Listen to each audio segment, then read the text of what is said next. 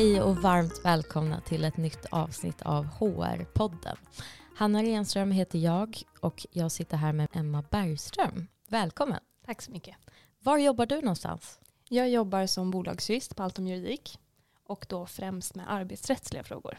Hur hamnade du där då? Och varför just arbetsrätt?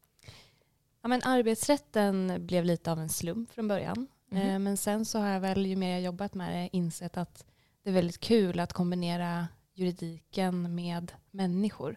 Det blir mm. väldigt nära människor på väldigt många sätt. Och det tycker jag är det mest intressanta med ämnet.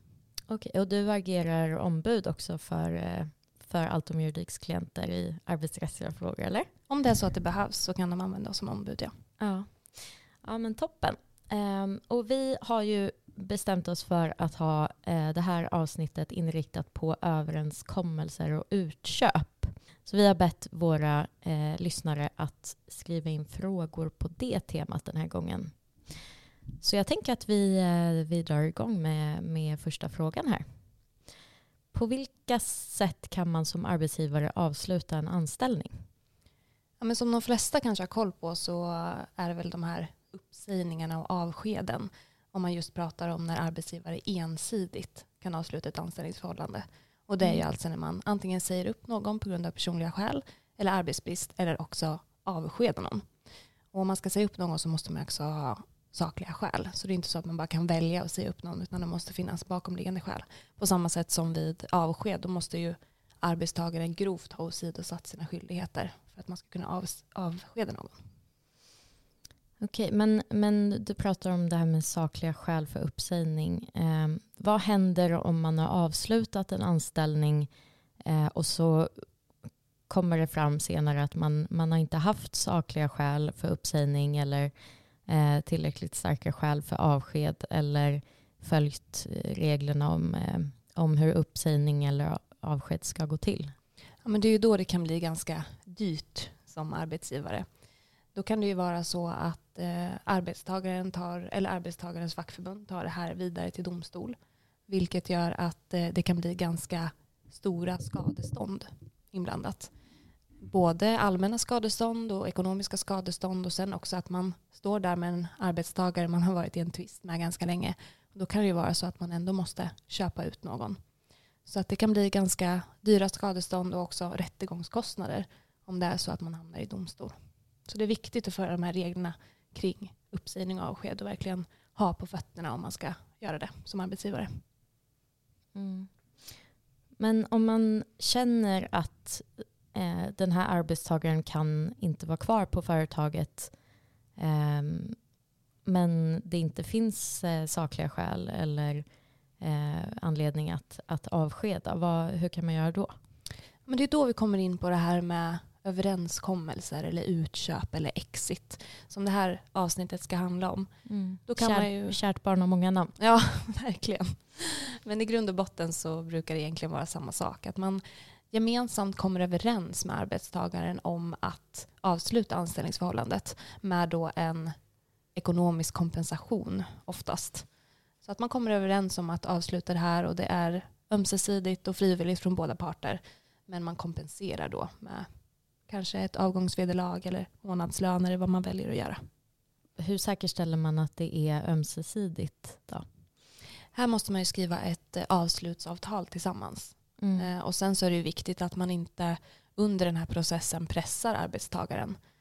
Utan det här ska ju ske frivilligt och det är därför det är så viktigt att ha en process för hur man ska initiera de här samtalen. Det är aldrig bra att överrumpla en arbetstagare och bara slänga fram ett eh, avslutsavtal. Mm. Nej, men precis, det är aldrig bra. Utan ha en konversation och försök att hålla det så professionellt som möjligt. För självklart är det mycket känsla inblandat, så är det jämt.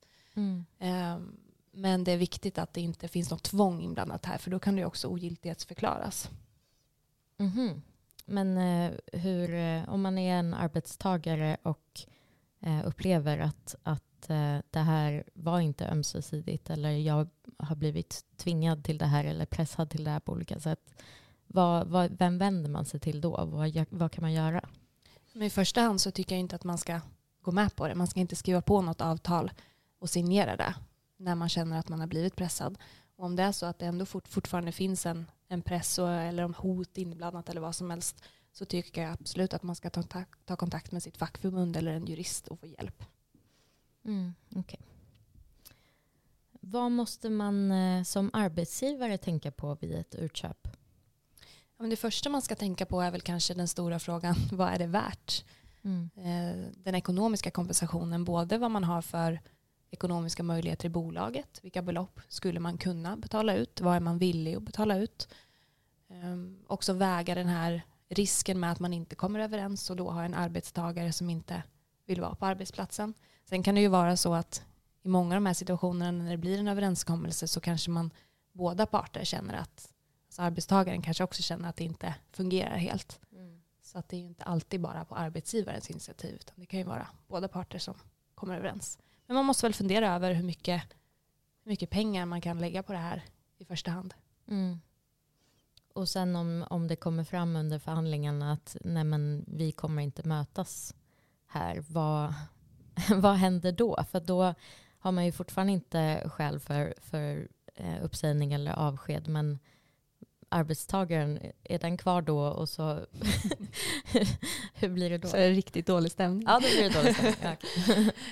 eh, nej, men så är det ju. Alltså, är man inte överens så är man inte överens.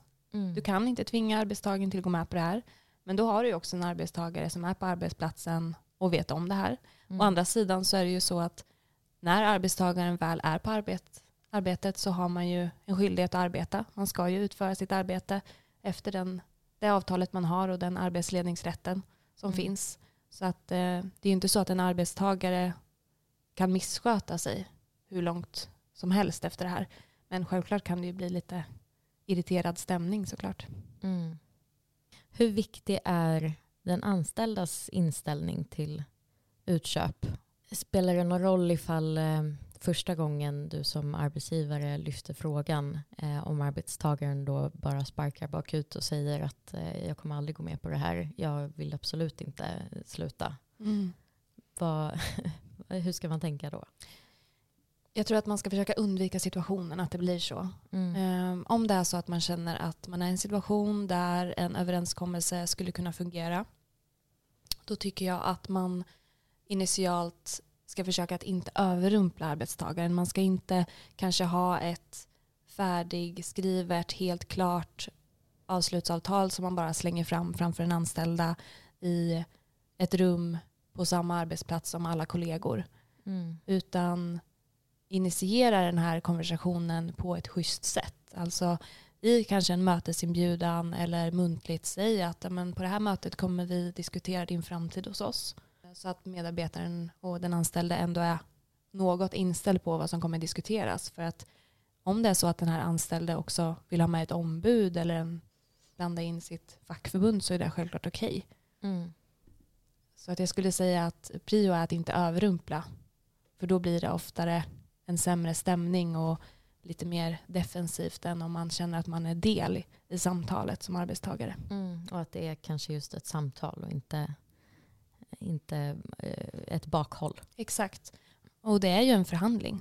Så är det ju. Mm. Båda vill ju någonting och eh, står i en position att förhandla. Man förhandlar egentligen om anställningen.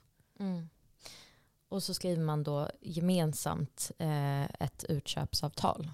Ja, precis ett utköpsavtal, ett avslutsavtal, det är många namn här igen. Ja. Eh, men sammantaget är det ju ett avtal som reglerar den här överenskommelsen om att anställningen ska avslutas. Mm. Och vad ska eh, det avtalet innehålla då? Det kan innehålla lite olika delar. Eh, det är viktigt att det är skriftligt. Sen kan det innehålla ja, till exempel sista datum, um, om man ska vara arbetsbefriad under en uppsägningstid, hur mycket avgångsvederlag, när det ska betalas ut, hur det ska betalas ut. Men också jätteviktiga klausuler som sekretessklausuler som reglerar att man som arbetstagare inte får gå och prata om det här till exempel. Konkurrensklausuler kan man också avtala om, alltså att man under en viss period, under uppsägningstiden till exempel, inte får ta anställning hos konkurrerande verksamhet.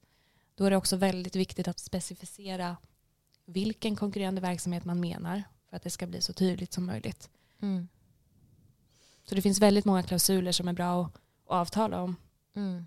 Även en sån här som att man inte ska göra anspråk på företrädesrätten till exempel. Det är också en klausul som är bra att använda. Vilken är den viktigaste klausulen då skulle du säga? Ja, men det är nog väldigt svårt att säga. Jag tycker att som helhet är väl avslutsavtalet viktigt. Det viktigaste är väl såklart att det finns ett innehåll som säger att man kommer överens gemensamt ömsesidigt. Mm. Det är väl det primära, men det är ju grunden i hela avtalet. Mm. Men allt det andra är viktigt också. Okay. Men det finns inga klausuler som ett exitavtal alltid måste innehålla eller? Nej, utan nu har vi ju gått vidare på, från arbetsrätten egentligen, även fast den spelar in såklart, så är vi nu inne på avtalsrätt. Mm. Eh, och det innebär ju att parterna fritt får avtala om vilka delar som ska vara med. Så det finns inga formkrav legalt på hur de här avslutsavtalen ska se ut. Mm. Utan det är upp till parterna. Okay. Och där är det väl nästan viktigast för arbetsgivaren att hålla koll på vilka delar man vill lägga in. Om man har muntligen till exempel sagt att ja, men då, då jobbar jag på tills, eh, tills den sista februari nu. Eh, och sen så har man inte skrivit ner det i eh, avtalet och så blir det förvirring om vad som egentligen gäller. Eh, att, att arbetsgivaren kanske säger att nej men du sa ju att du skulle jobba i tre månader till. Vad, vad händer då? Vad kan liksom hända ifall man inte har skrivit in det rakt i avtalet? Ja, men det som kan hända är att det blir en tvist gällande vad man har kommit överens om. Och det kan ju bli problematiskt för båda delar. Både för arbetstagaren som kanske har tagit ett nytt jobb och för arbetsgivaren som kanske har tänkt att den anställde ska stanna. Så att här blir det ju ord mot ord mm. egentligen. Och då har man ju ingenting nedskrivet förutom ett anställningsavtal. Um, så då blir det väldigt svårt. Det är därför det är så himla viktigt att skriva ner de här delarna i ett avtal och verkligen komma överens båda två. Båda är medvetna om vad man går med på och avtalar om. Både innehållet men också vad konsekvenserna blir. Men räknas det om man till exempel har skrivit eh, vissa delar i mail och sen har man kommit överens och så har man skrivit ett avtal. Kan man använda mejlen som liksom utfyllnad då för att visa vad man har sagt? Det beror lite på vad man avtalar om i avslutsavtalet. Om man skriver till exempel att eh, många gånger så lägger man in en, en skrivelse i avtal som säger att eh, ändringar eller tillägg av detta avtal ska finnas skriftligen och underskrivet av båda parterna. Och då blir det svårt att hävda att ett mejl gäller. Mm. Just det. Hur och när ska frågan om exitavtal tas upp med den anställda? Det vill säga hur ska man gå tillväga i praktiken? Ja, men som jag sa innan så tycker jag det är viktigt att inte överrumpla den anställde. På något sätt se till att den anställde är medveten om vad ni kommer diskutera på det här mötet. Försök att inte göra det så formellt och aggressivt som möjligt för att en arbetstagare kan ju lätt känna att man sitter i ett underläge till en chef eller arbetsgivare. Så att det är bra att kanske inte sitta en jurist, en HR och en chef på rad och sen slänga fram ett avslutsavtal. Det brukar ofta kännas väldigt pressat och en stressad situation för arbetstagaren. Mm. Så att lugnt och metodiskt förklara vad det är du har tänkt dig och varför. Eh, och säga att ja, men från vårt håll så tycker vi att det skulle kunna fungera med en överenskommelse. Hur ställer du dig till det? Och så får man ju lite ta konversationen vart den leder. Mm. Kan man eh, som arbetstagare i den situationen ha med sig ett ombud? Självklart kan man ju göra det. Och här kan man ju som arbetstagare också säga så här, okej, okay, jag hör dig, jag förstår. Jag skulle jättegärna vilja återkomma till den här diskussionen, men då vill jag ha med eh, någon från fackförbundet eller ett, eh, ett ombud. Eller Emma Bergström. Eller Emma Bergström. Eh, och hur ska man tänka när det gäller beloppet då? Ja, men det här är den stora frågan som vi jurister har det här tråkiga juristsvaret. Det beror på. men här handlar det ju allt ifrån de ekonomiska förutsättningarna på bolaget till vad den anställde har i lön, hur länge man har arbetat, hur mycket man känner som arbetsgivare att det här är värt att lägga pengar på. Men oftast så brukar man tänka att man i alla fall ska ha rätt till sin uppsägningstid och sen plussa på några eller någon månad lite beroende på vilket case man har. Alltså eh, sin uppsägningstid motsvarande lön då? Ja, eller sin uppsägningstid i tid. Så kan det ju vara att man avtalar om att du ska jobba under din uppsägningstid. Eller också ja, avtalar man om att man är arbetsbefriad under sin uppsägningstid. Men Så har, man brukar det- förlåt, har man en uppsägningstid när man eh, blir utköpt? Ja, man brukar avtala om det. Ah, Okej, men man måste inte? Nej, du kan ju avtala om att eh, du får så här, så här många månader direkt och gå på dagen. Mm. Men i många av fallen så, runt just när vi pratar kring belopp, så brukar det vara så att man avtalar om minst sin uppsägningstid i, i, i belopp där. Och sen så lägger man till kompensationen för själva överenskommelsen. Mm. Okej. Men det beror ju såklart på. Som jag sa så um, beror det lite på hur starkt case man har som arbetsgivare. Om det är så att man, det finns starka belägg för arbetsgivaren, alltså det har hänt saker som gör att den här anställda kanske så småningom ändå hade blivit uppsagd och arbetstagaren är medveten om det. Då handlar det ju såklart om kanske lite lägre belopp eller om, än om man bara vill bli av med arbetstagaren av någon anledning. Då kanske man får vara beredd på lite högre belopp. Mm. Hur ska man göra då ifall man eh, upplever att man har fått ett skambud? Eh, antingen som, som arbetsgivare eller som arbetstagare i den situationen. Ja, då får man ju i- säga att man inte går med på det helt enkelt. att man inte accepterar det och sen försöka ja, men argumentera för varför man ska komma till något annat belopp. Det är ju så här att man som arbetsgivare får ju försöka vara lite taktisk också på samma sätt som arbetstagaren. Arbetsgivaren kanske inte ska gå ut med sitt, sin smärtgräns Nej. utan att man kanske tänker att ja, men okej, jag kan gå med på sex månader men jag, initialt så kommer jag säga fyra. Mm. Just det. Och sen så förhandlar man lite fram och tillbaka för att det är ju en förhandling. Mm. Precis. Eh, Okej, nästa fråga. Vilka överväganden bör göras när det gäller konfidentialitetsavtal och hur kan vi balansera företagets behov av sekretess med den anställdas rättigheter? Sekretess är ju självklart jätteviktigt att lägga in i de här avslutsavtalen. Här måste man ju på något sätt skydda både bolaget, alltså vad man har för företagshemligheter till exempel, vad man har för, det kan ju vara allt ifrån eh, marknadsplaner till kunder till ja, men allting. Och sen också sekretessen just gällande avslutsavtalet. Mm, så att inte de andra anställda tänker att eh, aha, då, de ger sex månadslöner ifall man eh, går med på att sluta. Ja, men precis. Ja. Det är jätteviktigt att det inte börjar spridas något rykte om att man kan bli utköpt för si och så många månader om man bara vill. Mm, Utan utköp är ju också en nödlösning ja. ändå. Man ska inte köpa ut alla sina anställda. Nej, det tycker jag inte. Då får man kanske tänka på hur man rekryterar. om man behöver göra det. Jag förstår. Hur kan vi säkerställa att utköpsavtal och exitstrategier är i enlighet med gällande lagstiftning och därmed minimera risken för efterföljande rättsliga påföljder? Här tycker jag att man ska ta hjälp av en jurist. Det är så beroende på fall till fall. Dels vad man behöver reglera kring utköpsbelopp eller avgångsvederlag och också vad man behöver reglera kring konkurrens till exempel. Så att det är ju avtalsrätt och det kan ju också bli ett ogiltigt avtal om det är så att det är oskäligt överlag.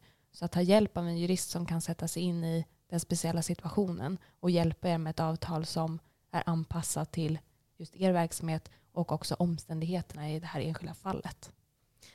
I vilket läge bör man ta in juristen då? Jag tycker att man borde ta in juristen vid den punkten när man känner att man vill köpa ut någon. För då kan Mm. juristen ja, men dels rådge kring det här avslutsavtalet och dels kring den här förhandlingen. Även fast juristen kanske inte behöver sitta med i förhandlingen med arbetstagaren om det här känns lite hotfullt Mm. så är det ju alltid bra att få i alla fall en, en liten hint om vilka belopp som skulle kunna vara rimliga. För det är klart att det finns, det, det blir ju någon typ av praxis någonstans kring vilka belopp som är rimliga. Till exempel det här med att man alltid ska ha rätt till uppsägningstiden till exempel. En sista fråga då.